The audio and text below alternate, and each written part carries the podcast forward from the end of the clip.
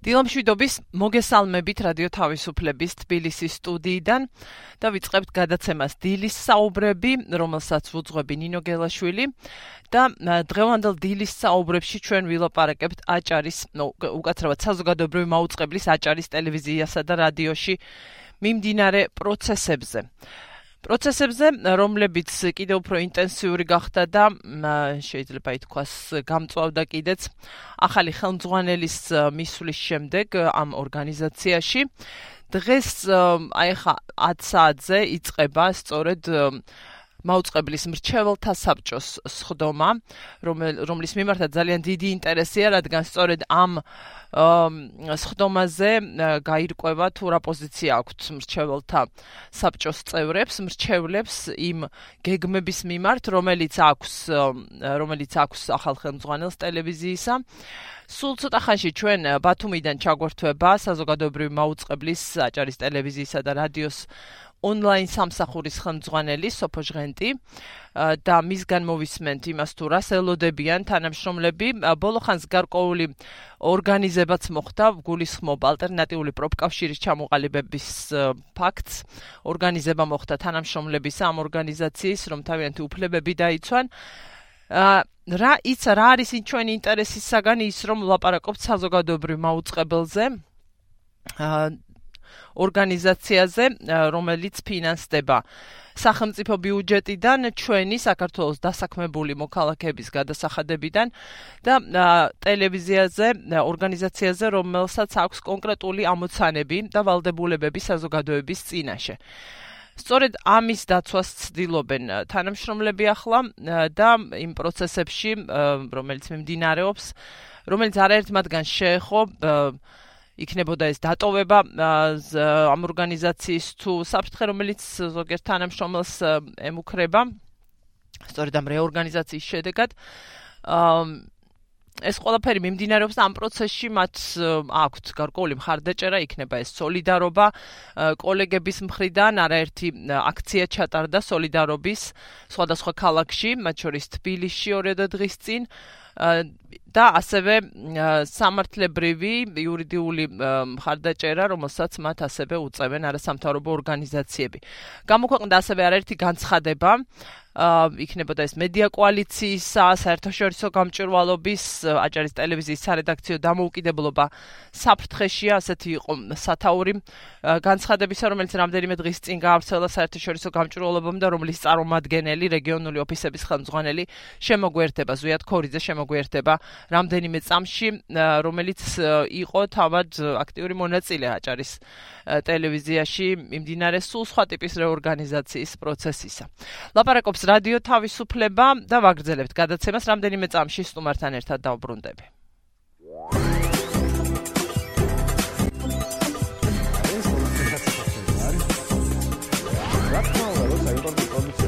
კი ბატონო. მოგესალმებით, გულწრფელი მეგობრებო, მარტო კაცი ჯამაშიც ბრალიაო ქართველები ამბობენ. ამის დამადროულობა დაემართოს საქართველოს რადიო თავისუფლება. გვიკითხეთ, გვიყურეთ, გვისმინეთ. მაშინ ასე ვაგრძელებთ რადიო თავისუფლების დილის საუბრებს ზვიად ქორიძესთან ერთად საერთაშორისო გამჭვირვალობა საქართველოს რეგიონული ოფისების ხელმძღვანელი გახლავთ ის ახლა ბატონო ზვიად მოგესალმებით. სალმებით მივესალმები რადიო სვენერებს და მაყურებლებსაც აუცილებლად მივესალმოთ კი ბატონო კიდევ ერთხელ რომლებიც გვიყურებენ Facebook-ზე რადიო თავისუფლების დილის საუბრების რადიო მაესტროს Facebook-ის საიტებზე.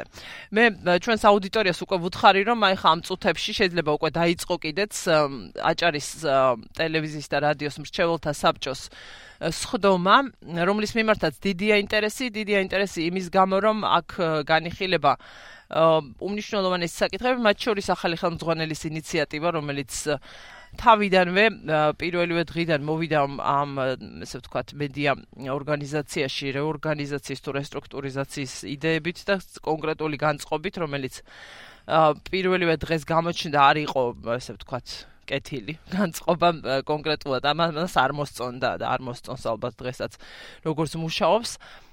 საზოგადოებრივი მაუწყებლის აჭარის ტელევიზია და რადიო. და ჩვენ ბატონო ზუიად ახლა ცოტა ხანში ჩაგვერთვება ონლაინ სამსახურის ხელმძღვანელი სოფო ჟღენტი, რომელიც არის ასევე წევრი სულ ცოტა ხნის წინ ჩამოყალიბებული ალტერნატიული პროფკავშირისა, რომელიც შეიქმნა ამ ორგანიზაციაში, ასე გადაწყვიტეს ჟურნალისტებმა, თანამშრომლებმა, როგორც ჩანს თავიანთი უფლებების დასაცავად ებრძოლათ, მას შემდეგ რაც უკვე არაერთი პრეცედენტი არის იქნება ეს ვთქვათ ნებით წასვლა, გათავისუფლება, პერსპექტივა გათავისუფლების, რადგან აქ საკადრო საშტატო ცვლილებებზეც არის ლაპარაკი ხელმძღვანელის გეგმაში, როგორც ვიცით. მოდით მოვუსმინოთ ქალბატონ სოფოს ჯერ დილამშვიდობის. დილამშვიდობის ქალბატონ ნინო. მოგესალმებით, ვსუხარ რომ ვიდეო ჩართვა ვერ მოხერხდა და ვერ ხედავენ ჩვენი მაყურებლები, მაგრამ არა უშავს მოგისმენენ დარწმუნებული ვარ ინტერესით. დაიწყო თუ არა უკვე სხდომა მრჩეველთა საბჭოსი. დიახინო აი რამოდენიმე წუთის წინ დაიწყო მრჩეველთა საბჭოს ხდომა და საკმაოდ ბევრი ადამიანია შეკრებილი როგორც დარწმუნებული წევრები, დირექცია, ასევე არის დაინტერესებული პირები და არის ალტერნატიული პროფკავშირების წარმომადგენლები, ანუ ის ადამიანები, რომლებიც ფიქრობთ, რომ ეს პროცესები, რომელიც ახლა მიმდინარეობს აჭარის საზოგადოებრივ მაუწყებელში, შეიძლება იმსახურებოდეს იმას, რომ არასასურველი ადამიანებისგან მოხდეს მაუწყებლის საინფორმაციო და შემოქმედებითი მიმართულებითაც ადამიანების გათავისუფლება. რა ნიშნით არასასურველი შეგვიძლია ვთქვათ? უკვე ამ ხის განმავლობაში რა ჩამოყალიბდა? კი, ალბათ, დიახ, ალბათ უკვე შეგვიძლია ვთქვათ, შესაძლებელია ჩვენმა რადიო მსმენელმა ეხლა არ იცოდეს მოკლედ შევეცდები ავხსნა რა პროცესები მიმდინარეობს ბოლო პერიოდში. ჩვენ როცა ჭარის საზოგადოებრივი მაუწყებლის დირექტორის ნათია კაპანაძის იმპიჩმენტი მოხდა, მაშინო დავიწყეთ იმაზე საუბარი, რომ არის საფრთხე სარედაქციო დიახ სარედაქციო პოლიტიკის შეცვლის მცდელობის. აჰა. და მოხდა ისე რომ ნელ-ნელა ჩვენი ეჭვები რეალური გახდა ესე ვთქვათ და მოდი თავიდან მოუყვები რა მოხდა. ნათია კაპანაძის წასვლის შემდეგ ჯერ კიდევ კონკურსი არ იყო გამოცხადებული, როცა მედიაში გაჩნდა ინფორმაცია იმის თაობაზე, რომ მაუწყებელში დირექტორად შესაძლებელია მოსულიყო გიორგი კოხრეიძე. ბუნებრივია, როცა არის ესეთი ტიპის ეჭვები და შემდეგ 6 თვის ხალზე ეს ეჭვი მართლდება, ეს ერთ-ერთი მყარი არგუმენტია იფიქრო იმაზე, რომ ეს იყო რაღაც წინასწარ დაგეგმილი მოცემულობა. ამის შემდეგ ხდება ის, რომ გიორგი კოხრეძის მოსვლის შემდეგ ჩვენ გამოვთქვით შიშები და ძალიან ღიად იყო იმაზე საუბარი, რომ აუწყებლის საინფორმაციო პოლიტიკა მათთვის არ იყო მოსაწონი და საინტერესო. და ისინი ხშირად საუბრობდნენ იმაზე რომ არ არის დაბალანსებული არის რაღაცა პოლიტიკური ინტერესები თუმცა ღიად არ საუბრობდნენ რომელ პოლიტიკურ პარტიასთან ან რასთან იყო ასოცირებული. თუმცა პარალელურად ჩვენ გვესმოდა ამის პარალელურად ის რომ ხელისუფლების წარმომადგენლები თანამდებობის პირები ღიად საუბრობდნენ იმაზე რომ ეს არის ნაციონალური მოძრაობის საინფორმაციო დღის წესრიგი და ასე შემდეგ. თუმცა უბრალოდ რადიო მშენელებისთვის მინდა იყოს ხაზგასმით გასაგები ის ამბავი რომ ბოლო სამი წლის განმავლობაში ყველა საერთაშორისო დასკვნის მიხედვით აი ესეთ პოლარიზებულ მედია გარემოში რომელიც საქართველოსია არჩევნებზე დაკვირვების და შემდეგ პროცესებზე დაკვირვების შემდეგ ყოველთვის იყო ესეთი ტიპის დასკვნები, რომ ეს არის ხალხსახეთ იყო ხაზგასმული, არც ერთი პოლიტიკური პარტიის ინტერესის მატარებელი საინფორმაციო პოლიტიკა. ეს ჩვენ ვფიქრობთ ძალიან დიდი მიღწევა იყო სწორედ იმ სტატუსის მქონე. კიდე სტურებთ ამ დადებით შეფასებებს, კი, კი, ნამდვილად იყო. დიდი მადლობა და აი სწორედ ეს შეფასებები გვაფიქრებინებს იმას, რომ ეს იყო გამორიცხულია თქვა იმ ეჭვებზე საუბარი რომ რომელიმე პოლიტიკური პარტიის ინტერესებს ატარებდა მაუწყებელი. თუმცა ამის მიუხედავად აი მაუწყებელში ეს დირექტორმა რამოდენიმეჯერ მინიშნება გააკეთა მისი მოსვლის შემდეგ ამაზე.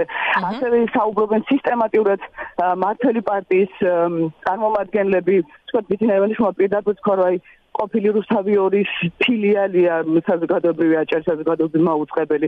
და აი ამ შეტევების პროცესში ძალიან გავდა ნარატივი ერთმანეთს. მართლი პარტიის და თქვათ მაუწყებლის ახალი მენეჯმენტის. თუმცა კიდე ერთი დეტალი ის მნიშვნელოვანი ის არის რომ გიორგი კოხრეიძე დირექტორი გახდა მას შემდეგ რაც შეიცვალა აჭარის საზოგადოებრივი მაუწყების მრჩეველთა საბჭოს წევრები, ხუთი წევრი და ამ ხუთი წევრიდან ვისაც აქვს გადაწყვეტილებს, ანუ სამი ხმა უმრავლესობა და კომპლექტა ქართული ოცნების კვოტით. ანუ მართლი პარტიის კვოტით.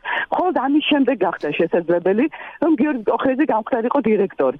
თუმცა ამის მიღმა ჩვენ მიუხედავად აი ამ მოცემულობებისა თანამშრომლობდით სუბორდინაცია და გვირყობა ალბათ ღია ჩაუბრობდით იმაზე რა პროცესები მიმდინარეობდა აჭარის საზოგადოებრივ მაუწყებელში. მნიშვნელოვანია რომ ეს ეთერებში ხდებოდა, კი, ასევე. კი, ღიად, იმიტომ რომ ჩვენ არ გვინდა ეს ყოფილიყო დაჩენკო შტაბიშტება რომ ჩვენ ვიღაცას ვებძვით ან რაღაც უმიზეზოთ რაღაცა ტიპის ფრონტი გვაქვს გახსნილი ეს. დიახ, დიახ. და საბოლოო ჯამში ახლა რა მოცემულობა მივიღეთ. პირველად როგორც კი მოვიდა ბატონი გიორგი, ჩვენ და გასაკვირად მილიონი პრობლემა აჭარის საზოგადოებრივ მოუწყებელში როგორც ტექნიკური თვალსაზრისით, ასევე კადრების მიმართულებით და ასე შემდეგ.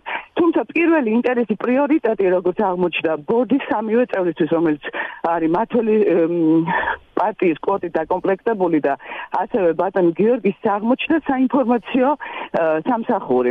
პირველი თქვენ იცით რომ ბევრჯერ იყო ამაზე საუბარი ნათია ზოიდე რომელიც მოვალეობას ასრულებდა მის მოსვლამდე უწყებელში დაიწყო მის წინააღმდეგ წარმოებები დისციპლინარული წარმოება იყო სისტემატიური დაძაბულობა იყო ხელშეკრულების შეცვლა იყო იმაზე ლაპარაკი რომ უკანონოდ ქონდა მას და ერეოდა საინფორმაციო პოლიტიკაში და ასე შემდეგ. თუმცა ხელშეკრულების ქონდა მას გაწერილი პრინციპი შეაფასებათ ეს ის როგორც მისი დევნა იმიტომ რომ ეს ყოველდღიური მძიმე რეჟიმი. და ნათესოდი წავიდა მან თქვა რომ იძულებული გავხდით ასულიყო იმაუწყებლიდან ამის შემდეგ ვიღებთ რას ხედავთ რომ დაანოსდა რეორგანიზაცია და რეორგანიზაციის მიხედვით ხდებოდა ისე რომ ყველა ის პირი ვინც საინფორმაციო პოლიტიკაზე არის პასუხისმგებელი და მათ შორის ონლაინ სამსახური რომელიც აბსოლუტურად დამოუკიდებელი არის მისი შინაარსით სხვა სტრუქტურებიდან ამ რეორგანიზაციის მიხედვით ყველას კონკურსი უნდა გაევლო თავიდან და ონლაინ სამსახური უნდა გაუქმებულიყო როგორც დამოუკიდებელი ერთეული. აი ეს გეგმა საბედნიეროდ არ გავიდა მაშინ ჩვენ თქვით რომ ესეც იყო ერთ-ერთი ნაწილი რომ ეს არასასრული ადამიანები გათავისუფლებულიყვნენ მაუწყებლიდან მაგრამ ამ გადაწყვეტლების მისაღებად საჭირო იყო 4 ხმა მრჩეველთა საბჭოში. და აღმოჩნდა რომ არა ქართული ოცნების კვოტით დაკომპლექტებული მრჩევლების სამი ხმა არ აღმოჩნდა საკმარისი ამ შვილების შესატანად. რასაც ერთი შეხედვითაც მარტივია მივხვდეთ რომ რაღაცა ტიპის კითხვები აქაც არსებობს, ხო? ანუ მეოთხე ხმა როცა დასჭირდათ, განაცხადება ვერ მიიღეს. და ამის შემდეგ ჩვენ ამას ვეძახით უკვე გეგმა B, როცა დირექციამ თქვა რომ მე არ მინდა რეორგანიზაცია, მე ამას გავაკეთებ ისე. შეოთე საბჭოს გეგმის დამტკიცების გარეშე და მოხდა ესეთი რაღაცა. დაიწყო საინფორმაციო სამსახურის უფროზე დისციპლინარული მოკვლევა. რასაფუძვლით? რასაფუძვლით და ედავებოდნენ ედავებიან ერთი წლის წინ დირექციასთან შეთანხმებით დირექციის გადაწყვეტილებით გაფორმებულ ხელშეკრულებას NDI-ს NDI-სთან რომელმაც 2 საათიანი გადაცემის მომზადება დაუკვეთა მაუწყებას ეს გადაცემა მომზადდა თანხები გადანაწილდა თუმცა დავა არის ტექნიკურად რატო გაფორმდა ერთ ადამიანზე ხელშეკრულება და მე ისე გაიცა თანხა და არა ვთქვათ მაუწყებელთან. თუმცა აქვე მინდა გითხრათ რომ იურისტები ამბობენ რომ ამ საქმეს აქვს ხანდაზმულობის ვადაც. რამოდენიმეჯერ იყო მრჩეველთა საბჭოზეც განხილული ეს საკითხი. და მაშინ არ დადგა გამამტყუნებელი განჩენი. თუმცა ისევ ამოტირდა ეხლა დღის წესრიგში. ეხლა მე ისე თქვა მინდა დისციპლინარული წარმოების დაწყება პირდაპირ იმას ნიშნავს რომ დირექტორ საფუძველი აქვს დაუშვეს სამსახურიდან თქვათ საინფორმაციო უფროსი და ამის პარალელურად უცებ დაიწყო პროცედურა რომ აღარ ჭირდება მაუწყებელ საინფორმაციო სამსახურის უფროსის პოსტი. რაც იმას ნიშნავს, რომ ერთდროულად დირექტორ შესაძლებლობა აქვს ახლა, რომ საინფორმაციო უფროსი და მისი მოადგილეც დაუშვეს სამსახურიდან. და ჩვენ მივიღეთ ესეთი მოცემულობა, რომ რეორგანიზაცია არ შედგა, მაგრამ საინფორმაციო პოლიტიკის შექმნელი ადამიანები შეიძლება აი დღეს უკვე და ხვალ აღარ იყვნენ ემრგოლში, რომლებიც ქმნიან ამ პოლიტიკას. ბუნებრივია, ეხა ჩვენ არ ვიქნებით ისეთი მეამიტები, ვიფიქროთ, რომ ეს არის ერთი ჩაოლებრივი ტექნიკური დეტალი, რომელიც მართვის ნაწილში ჭირდება დირექციას. ჩვენ გვაქვს ძალიან დიდი საფუძველი იმისი, ვიფიქროთ, რომ სწორედ ამ მართველი რგოლი. ესე ვიტყვი, პირდაპირ ვიტყვი, მოსაშორებლად ჭირდება დირექტორს ეს ცვლილებები, რომ შემდეგ უკვე მოიყვანოს ახალი ადამიანები, რომლებიც შეცვლიან გადატეხას მოახდენენ იმ საინფორმაციო პოლიტიკაში, რაც აღჭარით საზოგადოებრივ მაუწყებელს აქვს და კიდევ ერთხელ განმეორდები, ჩვენთვის ძალიან მნიშვნელოვანია, რომ ბევრჯერ ითქვა, რომ ეს არ იყო საინფორმაციო პოლიტიკა, არ იყო რომელიღაცა პარტიის ან რომელიღაცა ჯგუფის გავლენის ქვეშ. ეს იყო ნამდვილად დამოუკიდებელი კონტენტი. ბუნებრივია ხარისხზე შეიძლება ვიდეოთ უფრო მეტი გვინდოდეს, მაგრამ თავისთავად ფსიქოლოგიურად ეს ძალიან სხვა თემა აბსოლუტურად. ქალბატონო სოფო, ვიცი რომ დარწმუნებული ვარ ხა გაინტერესებთ კი არა და აუცილებლად უნდა იყოთ კიდეც იმ შეხვედრაზე რომელიც ახლა მიმდინარეობს. კონკრეტულად რა წდება დღევანდელ საბჭოს ხდომაზე? დღევანდელ საბჭოს ხდომაზე ბორდი განიხილავს ერთ-ერთ საკითხად, სწორედ აჭარისაზოგადოებრივი მაუწყებლის სამსახურების მოადგილეების გაუქო შტატების გაუქმების საკითხს. თუ ეს საკითხი გავიდა დღეს და დაუჭირეს მხარი მას სამი ხმა ჭირდება მჩეულთა საბჭოსი მაშინ აღმოჩნდებით ზუსტად იმაზე რაც საუბრობდით გაუქმდება საინფორმაციო სამსახურის უფროსის მოადგილის მაია მერკლაძის პოსტი. და უბრალოდ საქმე იმაშია რომ ჩვენ ისიც არ ვიცით ამ ადამიანებს თავაზობენ თუ არა რაიმე ტიპის ალტერნატივას მათ უბრალოდ მიუვიდათ წერილი რომ ისინი შტატის გაუქმების გამო უქმდებათ მათ ხელშეკრულება. ანუ მაია მერკოლაძე ჩვენ არ ვიცით გააგრძელებს თუ არა მუშაობას, ასევე არის გიორგი მურვანიძე, რომელიც ჰეშტეგი და სხვა შემოქმედებით გადაცემებში თქვა, საკმაოდ საინტერესო გადაცემებს აკეთებდა და ამას უწევდა კოორდინაციას. ანუ ჩვენ არ ვიცით ეს ორი ადამიანი თქვა გააგრძელებს თუ არა მუშაობას, ეს საფრთხეა და დღეს ალტერნატიული პროფკავშირები სწორედ ამას დაყენებას ვაპირებთ ამ საკითხის, რომ გადაიდოს ხდომ ესაკითხი მანამდე ვიდრე არ დაზუსტდება ანუ არგუმენტაცია არ იქნება რატომ აღარ სჭირდება დირექციას ანუ მოკვლევის შედეგები გვაჩვენოს რა ნაწილში უშლის ხელს ან მაუწყებლის ფუნქციონირებას მოადგილეების არსებობა ამაზე გითხოს და ასევე ჩვენ ვითხოვთ რომ დაგვისაბუთონ და წინასწარ გვითხრან რა პოზიციები ექნებათ ამ ადამიანებს ვისაც მოადგილეების პოზიციები ეჭირათ და შესაძლებელია დღეს უკვე აღარ იყვნენ მაუწყებლის თანამშრომლები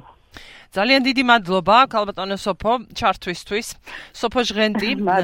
დიდი მადლობა წარმატებები სოფო ჟღენტი საზოგადოებრივი მაუწყებლის აჭარის ტელევიზიისა და რადიოს ონლაინ სამსახურის ხელმძღვანელი იყო სატელეფონო ხაზზე.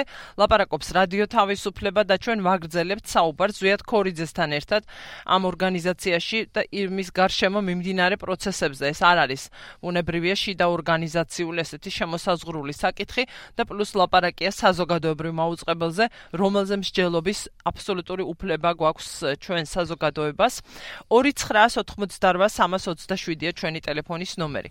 ბანოზუიად ვუსმენდით ახლა გალბატონ სოფოს რა რა ძალიან დეტალურად და კარგად აღწერა ძალიან კაფეო სურათი, ხო?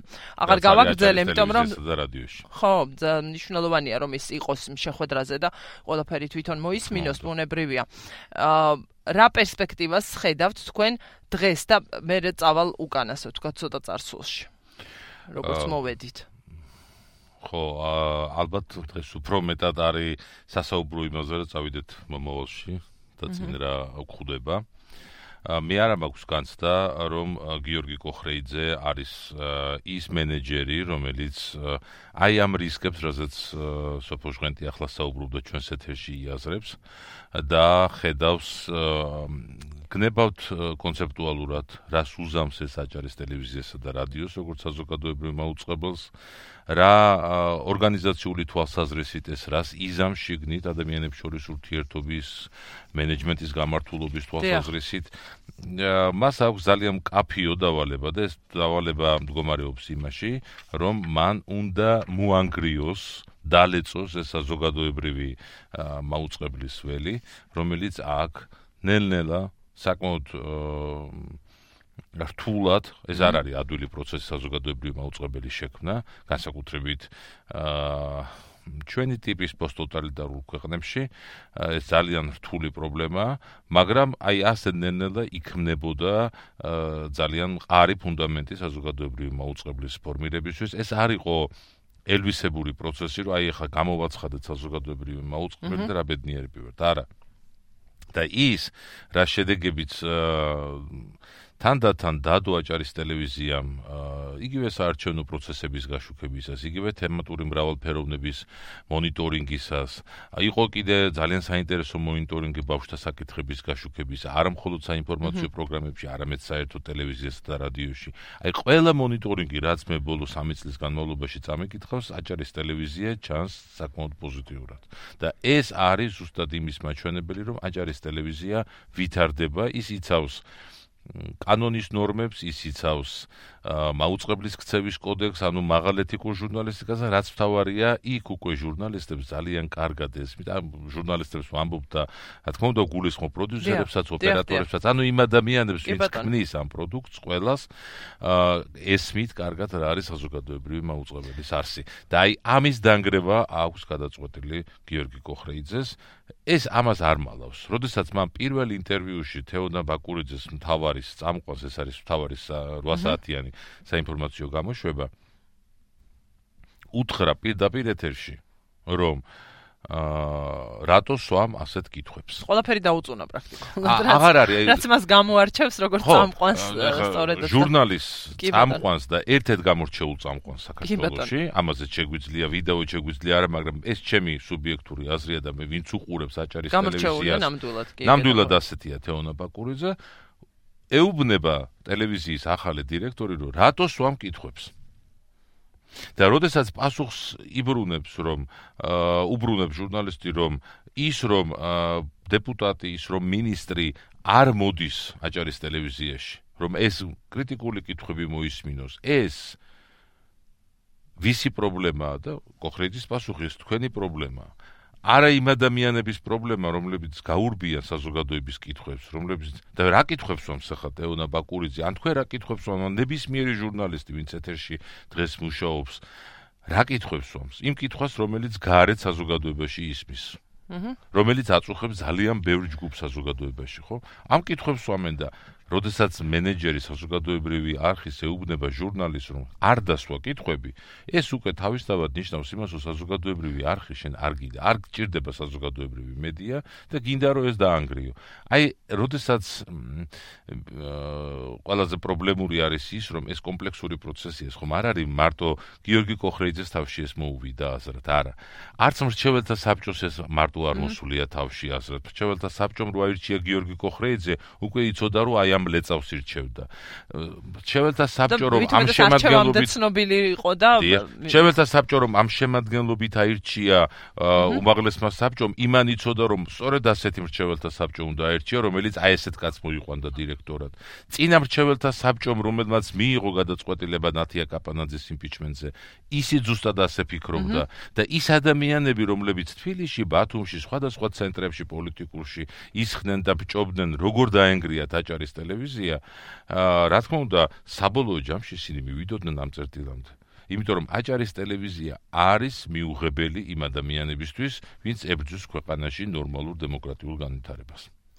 აა სმენელი ყავს ხაზზე, დილამშვიდობის გისმენთ. აა გამარჯობა, კალბატონო ნინა. გამარჯობა, გისმენთ. ბატონო ზეათ. გისმენთ. ხო, არ ფიქრობ, რომ სადღაც ეს რა ხდება?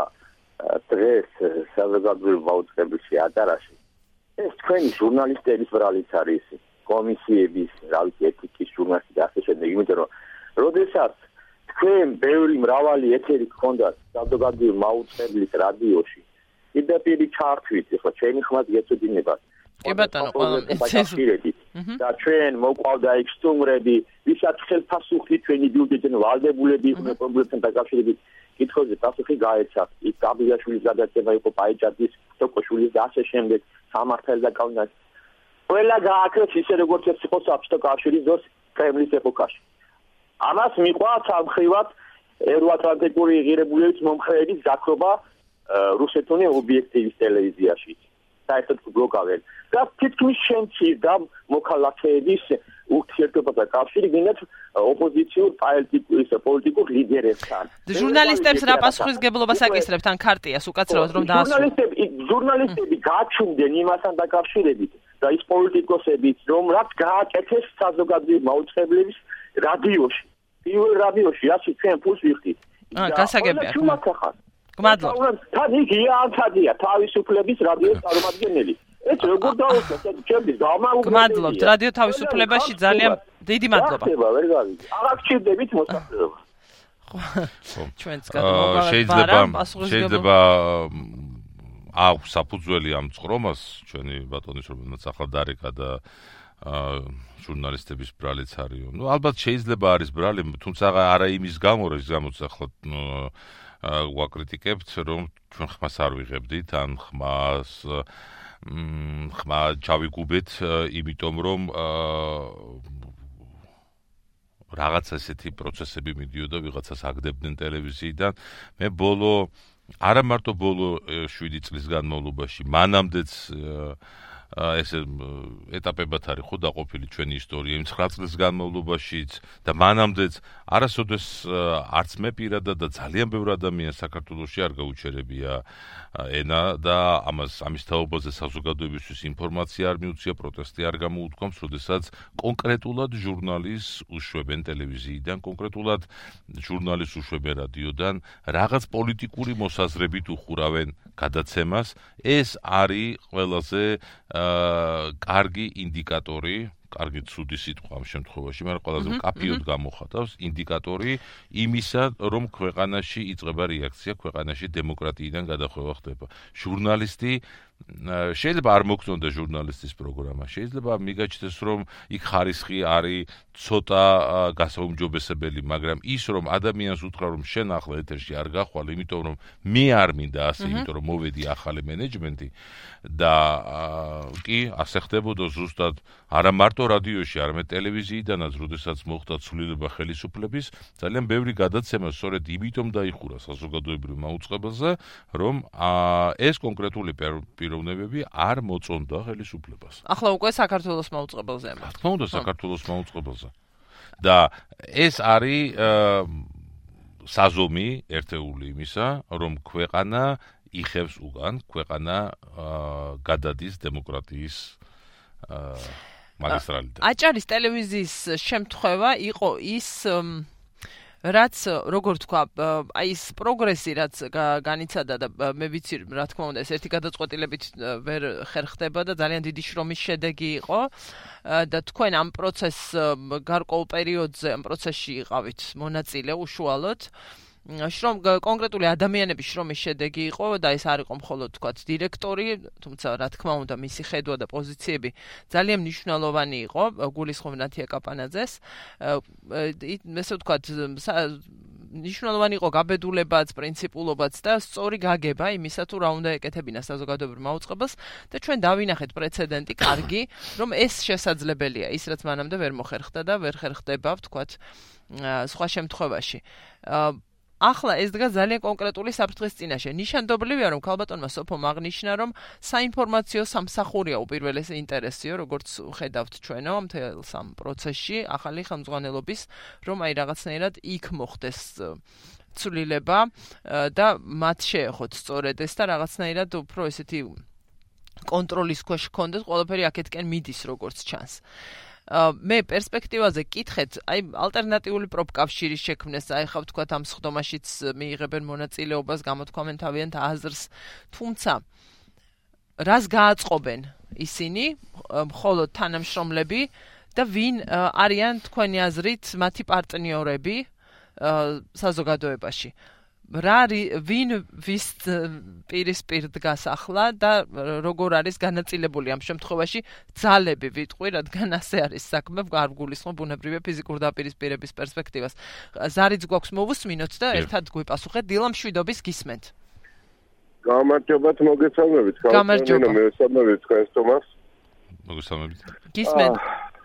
შეკითხვა უკავშირდება გარკვეულ წანამწყროს გაუკეთებ ამ შეკითხვას მუდმივად როგორც კი ხელისუფლება იცვლება. პირველი დარტყმა აუცილებლად ხდება აა ასე ვთქვათ დამარცხებული პოლიტიკური ძალის აა ასე ვთქვათ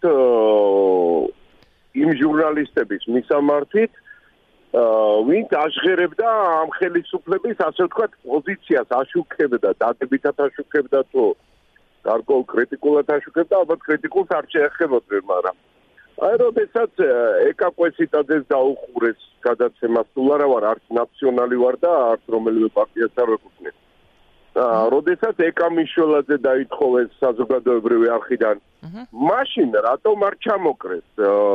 რატომ არ ჩამოკარით განგაში ზარები? მე მახსოვს, როდესაც ოთარ კვანტალიანი მივიდა, მე მგონი საზოგადოებრივ არხზე თემურ კვანტალიანი საზოგადოებრივი არ იყო სახელმწიფო ტელევიზია იყო კი ბატონო, პირველ არხზე. ნუ ერთი არხი იყო მაშინ.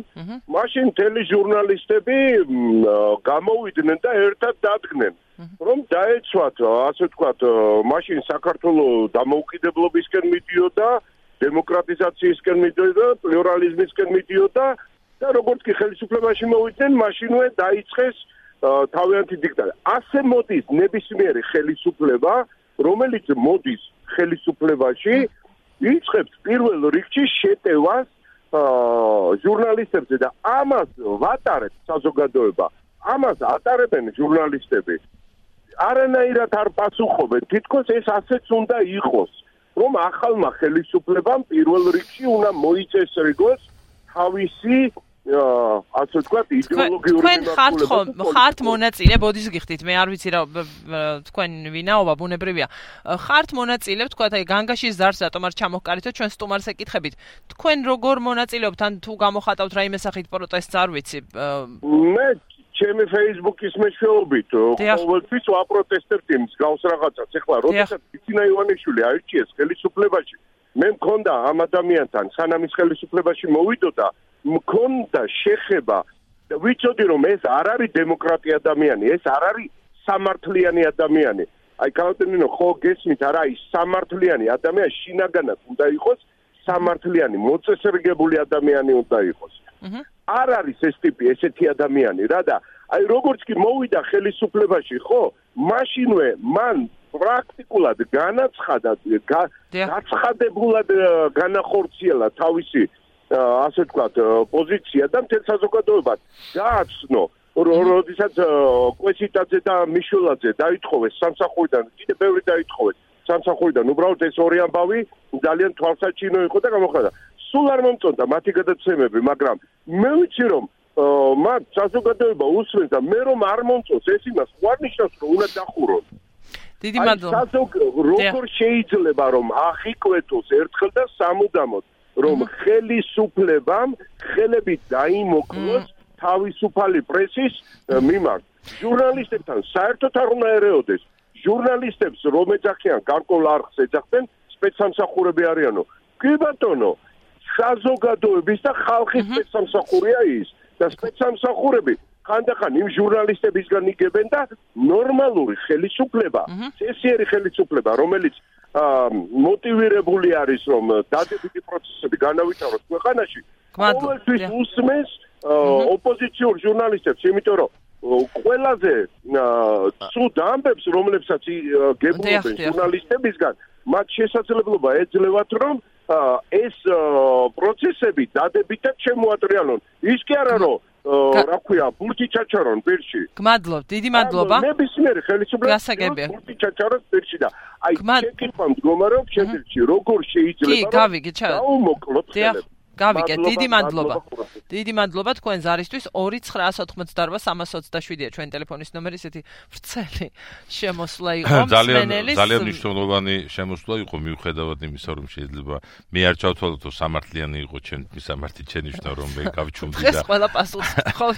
კი, გავცემ პასუხს, გავცემ მაგრამ ხო რატომ არ ჩამოვყარით განგაშის ზარს? მაშინ, მაშინ იმ დროსთან. მე გამიჭირდება გავიხსენო რომელიმე ერთი შემთხვევა ქართული მედიის ისტორიაში, როდესაც იყო ჟურნალისტების, ოპერატორების ან თლიანად მედია ორგანიზაციების წინააღმდეგ რაიმე ქმედება და მე არ გამომეთქვას ამაზე ჩემი მოსაზრება და პროტესტი.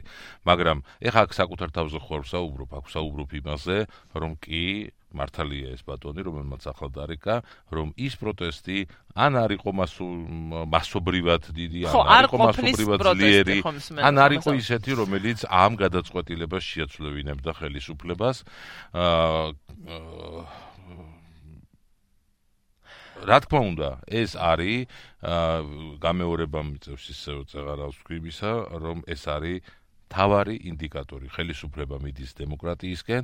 ხელისუფლება ეგუება იმას რომ კრიტიკული მედია რჩება, ხელისუფლება ეგუება იმას, რომ მედიაში იქნება ისევ მწვავე კითხვები, ხელისუფლება ეგუება იმას, რომ ადამიანები, რომლებიც თუნდაც ძინა ხელისუფლების დროს იყვნენ მედიაში, არ უნდა წაყვნენ ხელისუფლებას, იმიტომ რომ არ უნდა შეიქმნას განცდა იმისა, რომ მედია ეს არის ხელისუფლების დანამატი და როდესაც იცვლება ხელისუფლება, ამიტომ შევცვალოთ მედია. და მე დარწმუნებული ვარ, რომ გაცილებით უფრო უკეთესი იქნება საზოგადოებრივი მაუწყებელი თუ დღეს. ის გადაცემები რომელიც უწინ გადიოდა ამ არხზე და დღეს ეს ჟურნალისტები სხვადასხვა არხებზე არიან გადანაწილებული ისევ საზოგადოებრივ მაუწყებელზე იქნებოდნენ. რა თქმა უნდა აჭარის ტელევიზია იქნება ბევრად სუსტი თუ ეს ადამიანები მოშორდებიან აჭარის ტელევიზიას ან მათ მოაშორებენ და ძალიან სუსტი იქნება აჭარის ტელევიზიის საინფორმაციო პროგრამა, რომელსაც თეონა ბაკურიძე არ წაიყვანს და ზუსტად აი იმ აქცენტებს არ დასვამს და იმ კითხვებს არ დაუსვამს თავის რესპონდენტებს, რომელიც მოყავს. აა და ეს ეს არის უფრო ვრცელი პროცესი, ვიდრე მხოლოდ ის, რომ ჟურნალისტებმა გამოვხატოთ солиდარობა ან არ გამოვხატოთ солиდარობა აა რომელიმე ჟურნალისტის მიმართ. გაქვს პასუხი კითხვაზე, როგორ შეიძლება აღიკვეთოსო ეს პრაქტიკა, რომელსაც ციკლურად სულ ხედავთ და ვართ ამის მოწმე ყოველ ჯერზე, მართლაც როგორც აღნიშნა ხელისუფლების შეცვლის. ხდება შემდეგ ყოველ ჯერზე, შემდეგ იწყება გადალაგება, მათ შორის საზოგადოებრივ მოუწყებელში, წამყვანების, ხელმძღვანელობის პირველ რიგში შემდეგ წამყვანების, გადაცემების და ასე შემდეგ. სამწუხაროდ ჯერ ჩვენი პოლიტიკური პროცესი ისე იმ სტადიაშია, აქ გულისხმობ აა როგორც წინასაარჩევნო ასევე არჩევნების შემდგომ ეტაპებს ხელისუფლების ცვლილებისა, როდესაც ხელისუფალს უნდა ყველაფერი გაასუფთავოს და ძალიან ხშირად გვსმენია რომ მოდი დავიწყოთ სუფთა ფურცლიდან ხო? აა ისტორია არ გაძლევს სუფთა ფურცლის საშუალებას, რაღაცა ხდებოდა ამ ქვეყანაში, რაღაცა ახლაც ხდება, ხვალაც მოხდება. ამიტომ ეს არის დინამიური პროცესი, სუფთა ფურცლიდან დაწყება იმას ნიშნავს, რომ მე ყველა ვალი ჩამოვწერო და მოდი დავიწყოთ თავიდან და დავიწყებ ნოლიდან, მოდი და მომეცი მე შანსი, მომეცი მე ინდულგენცია იმისა, რომ უსასრულოდ ვიყო. ყველა ხელისუფალის განცდა არის მოვიდეს არა 4 წლით, არამედ მოვიდეს უსასრულოდ. იმიტომ რომ ასე გიხსნის რომ მე ბევრი რამე მაგას აკეთებელი ხო? ასე უნდო და ასეთი სურვილი ქონდა წინა ხელისუფლებას ესეთი 30 წლით მოსულიყო იმიტომ რომ ბევრი რეფორმა იყო ჩასატარებელი. ბიზნე ივანიშვილმა თავიდანვე დაანონსა რომ 2030 წლამდე უნდა მოსვლა. ეს ნიშნავს იმას რომ ამ ადამიანებს არ აქვთ განცდა ანგარიშვალდებულების და ანგარიშვალდებულების განცდა როდესაც არის დეფიციტური. აა ყველაზე მნიშვნელოვანი რგოლი ვინც შეახსენებს ხელისუფლებას, რომ ეს ანგარიშვალდებულება არსებობს, არის მედია. თუ მედიას ამ დროს გვერდით არ დაუდგა მოქალაქე, ანუ ის ადამიანები, რომლებიც არიან ერთი მხრივ ამომრჩევლები, რომლებიც ეს ხელისუფლება მოიყვანეს, მაგრამ მეორე მხრივ ამ მედიის მომხმარებლები და უკვე მოქალაქეს უჩნდება რაღაც გაურებული დამოკიდებულება ვის მხარეს დადგეს. ამ მედიას მოусმინო კიდე, რამდენჯერ მოგისმენიათ ესეთი რეპლიკა. კიდევ ამათ მოусმინოთ? კონკრეტულად ხო. ამ დროს იღებენ ძალიან მოკლე დისტანციაზე გათვლილ გადაწყვეტილებას რომ მოდი ახლა ხელისუფლება სჭირდება ჩვენი მხარდაჭერა. და ხელისუფლების მხარდაჭერით ძალიან ადვილად ეგუებიან იმას რომ იქ რომელიღაცა არხი დაიხურება რომელიღაცა არხზე გადაცემა დაიხურება სადღაც ჟურნალისტი ავიწროვებენ. და აი ეს იმიტომაც არის ესეთი პერმანენტული. ერთადერთი ნიშნულოვანი რა ქნა მომხმარებელმა ვერ ხვდები გამოვიდეს თქვათ აი ხა ამ ამ შემთხვევაში რაც დღეს გაცილებით უფრო მაღალი რეგისტრის იქნებოდა. ხმა როდესაც არა აქ არ არის გამოსვლა და რევოლუცია. აქ არის საუბარი იმაზე რომ ეს ხმა რამდენად ძლიერდება. როდესაც მხოლოდ ჟურნალისტები უცხადებენ სოლიდარობა ჟურნალს, რომელსაც სამსახურიდან უშვებენ და პროგრამას უხურავენ, ეს რჩება შიდა კორპორატიულ გარჩევად. და სამწუხაროდ ეკაკო სიტაძის და თუ პაიჭაძის, ეკა მეშულაძის ნებისმიერი სხვა გადაცემა, რომელიც იხურებოდა, რჩებოდა აი ასეთ ვიწრო კორპორატიული გარჩევის თემად. აი ეს ბატონი ან სხვა ბატონები, ვინც რეკავს თქვენს გადაცემაში, ან არეკავენ და ახლა გვისმენენ, ყველა ერთად იქნება ამ პოზიციაში შეთანხმებული, რომ არასოდეს არ უნდა მოხდეს ჟურნალისტის დევნა. მე რა რომ ეს ჟურნალისტი შენ არ მოგწონს. მე რა რომ ისი გადაცემა ან ხარისხით არ გაკმაყოფილებს ან შინაარსით არ გაკმაყოფილებს ეს უნდა იყოს ეს გადაცემა დაიხურება მაშინ, როდესაც მას აღარ ეყოლება მაყურებელი და არა იმის გამო, რომ მაყურებელის მაყურებელი კი არ იყოს ინდიკატორი, ხელისუფლის განწყობა იყოს, რომ მოდი ახლა მე ამას დავხურავ და ახალმოსული ხელისუფლება ყოველთვის მოდის რაღაცა ნდობის ვოტუმით. რაღაცა საზოგადოების უმრავლესობა მას მხარს უჭერს და ამიტომ ის მოდის იმ განწყობით, რომ მოდი ახლა მოვასუფთავებ ყველაფერს სანამ დრო მაქვს. დღეს რაც ხდება აჭარის ტელევიზიაში, ეს არის აი როგორი სახიფათო მომენტი დღეს ხელისუფლებას ის ნდობის ვოტუმიც არა აქვს უმრავლესობის რაღაცა განსაკუთრებული ვოტუმი რომ თქვა რომ ეხლა მე ისე მივლეწ მოვლეწავ იქაურობას რომ ვერავინ ვერაფერს ვერც გაიგებს და თუ გაიგებს კიდე დიდად წინააღმდეგი არ იქნება. ა ვიდეო ჩემ კითხვას დავსვამ კიდე მედი მაქვს არ წავიდა ჩვენი მსმენელი ზარია და შემოუშვა დილამშვიდობის გისმენთ. დილამშვიდობისა გისმენთ თუ შეიძლება გამარჯობა მოგესალმებით შეკითხვა მინდა დავსვათ. აი ჩვენ რასაც მსჯელობთ ახლა ამ პრობლემასთან დაკავშირებით მესმის რომ ყველა ყველა ხელისუფლება იყენებდა ტელევიზიებს თავის სასარგებლო და მომავალშიც შეეცდებიან და მე ვფიქრობ ამის ამას რომ წინ აღუდგეთ ალბათ უფრო მეტი მოსახლეობის აი გამოკითხვა ჩავატაროთ ნებისმიერი ტელევიზიების საშუალები და ხალხის აზრი დავაფიქსიროთ მაგალითად მე ვფიქრობ კარგი იქნებოდა რომ ერთი კანონი მივიღოთ ელემენტარულად კანონი მივიღოთ რომ აი კრძალოს ანტისახელმწიფოებრივი აგიტაცია პროპაგანდა საზოგადოებრივი არხი ასე როგორც ასეთი საზოგადოებრივი საერთოდ არ უნდა იყოს ჩემი აზრით ბიუჯეტიდან არ ფინანსდებოდეს და ნებისმიერმა ტელევიზიამ თანაბარ თანაბარ პირობებში იქნება ყველა უფრო ხშირად ჩავატაროთ აი კონკრეტულად რატო არ ვაკეთებ? ამას მაინტერესებს ხალხის აზრი. გამოკითხვა ნებისმიერმა ტელევიზიამ ჩაატაროს და ხელისუფლება დავაყენოთ ფაქტის წინაშე რომ მაგალითად თუ გინდა ამ კონკრეტულ საკითხთან უნდა ფინანსდებოდეს თუ არა საზოგადოებრივი არხი ბიუჯეტი ხაგან წავედით ახლა კი ბატონო დიდი მადლობა. ანტისახელმწიფოებრივი ვინ უნდა განსაზღვროს და რა იქნება? განსაზღვროს სახელმწიფომ სპეციალურმა ანტისახელმწიფოებრივია მაგალითად აშკარად რო უჭერენ ხარ ან აი პირდაპირ რუსულ პროპაგანდას პირდაპირ რუსულ თუ რუსეთი დღეს არის თქვა და ოკუპანტი ქვეყანა და ტერიტორიები მაგალითად რუსეთის ასა თუ გინდა თუნდაც იმ ანაკლიის სპორტთან და ნებისმიერ პრობლემასთან დაკავშირებით. გასაგებია. მექანიზმის და თავარი ხალხის გამოკითხვა მოხდეს ყველა საკითხთან დაკავშირებით. ჩემი აზრით იქნება ყველაზე კარგი გამოსავალი. დიდი მადლობა.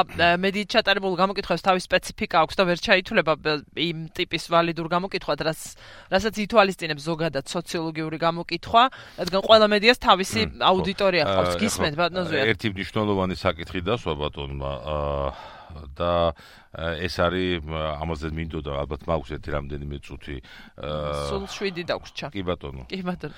აა რა თქმა უნდა 7 წუთი არ ეყოფა იმაზე სასაუბრო და არც აა 7 საათი თუ რატომ არის მნიშვნელოვანი საზოგადოებრივი მაუწყებელი და რატომ უნდა გქონდეს საზოგადოებრივი მაუწყებელი ქვეყანას? საზოგადოებრივი მაუწყებელი აა ეს არ არის აა მხოლოდ ტელევიზია და რადიო. ანგრევად ვებ პლატფორმა. მიუხედავად იმისა, რომ ის ამ ტექნიკურ თუ ამ ფორმალურ საშუალებებს იყენებს, საზოგადოებრივი მაუწყებელი არის უფრო მნიშვნელოვანი რამ საზოგადოებისთვის, ვიდრე მხოლოდ მედია. საზოგადოებრივი მაუწყებელი იქ სადაც არსებობს, იქ საზოგადოებრივი მაუწყებელი უწყობს ხელს ქვეყნის დემოკრატიულ პროცესებს.